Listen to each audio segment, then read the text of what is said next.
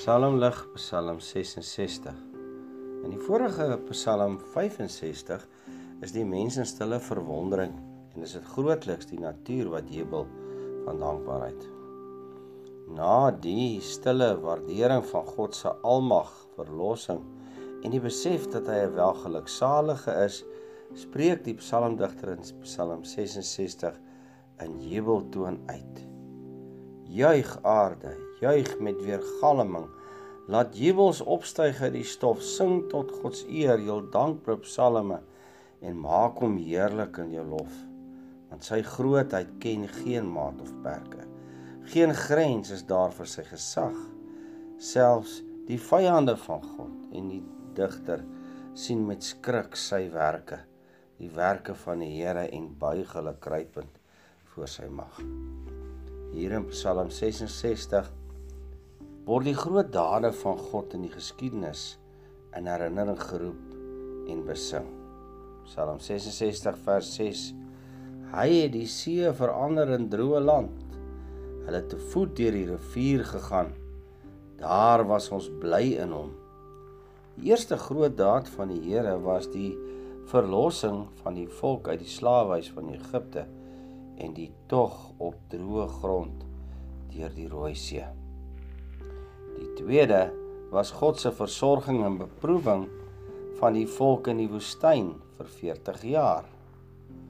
Ook in die volk se beproewing het die wolkkolom bedags en die vuurkolom snags nie van hul gewyk nie. En hul beproewing het God hom nie geheel en al aan hulle onttrek nie. Psalm 66 vers 10 bevestig dit op want U het ons getoets o God. U het ons gelouter soos 'n mens silwer louter Die derde groot daad van die Here was die deurtog deur die Jordaan wat in vloed was na die beloofde land Kanaan op pad Hierin lê ook die hele lewe van die gelowige volgens 1 Korintiërs 10 vers 1 en 2 As Paulus skrywe. Want ek wil nie hê broeders dat julle nie sou weet nie dat ons vaders almal onder die wolk was en almal deur die see deurgegaan het en almal in Moses gedoop is in die wolk en in die see. Ons doorsformulier sê hierin het hy ons 'n heenwysing na die doop gegee. En nou verstaan ons ook ons aardse lewe in Christus so. Ons word gedoop in die verbond. Ons groei op daarin onder die beskermende hand van die Vader, die Seun en die Heilige Gees. Maar ook ons lewe is 'n woestyn van beproewinge, swaar kry en lyding. En dan by die einde van ons lewe betree ons die doodsjordaan wat ons moet deur om ewig in die hemelse Kanaan saam met Christus te wees en vir ons wat vir ons die pad voorgeloop het. Van Jesus sê Hosea 11 vers 1 profeties En uit Egipte het ek my seun geroep. As kleine kind moes Jesus se ouers met hom vlug na Egipte omdat Herodes hom wou doodmaak.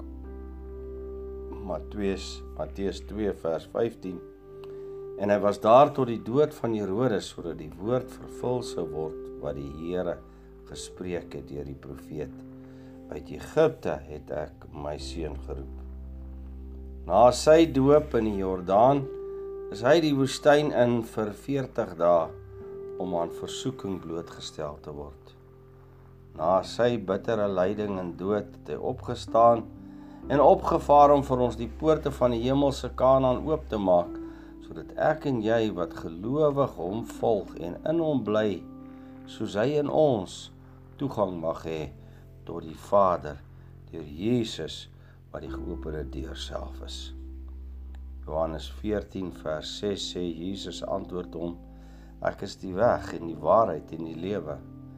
Niemand kom na die Vader behalwe deur my nie. Johannes 10 vers 6 Jesus het weer vir hulle gesê: "Voorwaar, voorwaar ek sê vir julle, ek is die deur van die skape." Dis dan ook die blye evangelie waartoe ons alle mense moet oproep volgens die Psalm om hulle te bekeer sodat God deur alle volke en tale geprys kan word.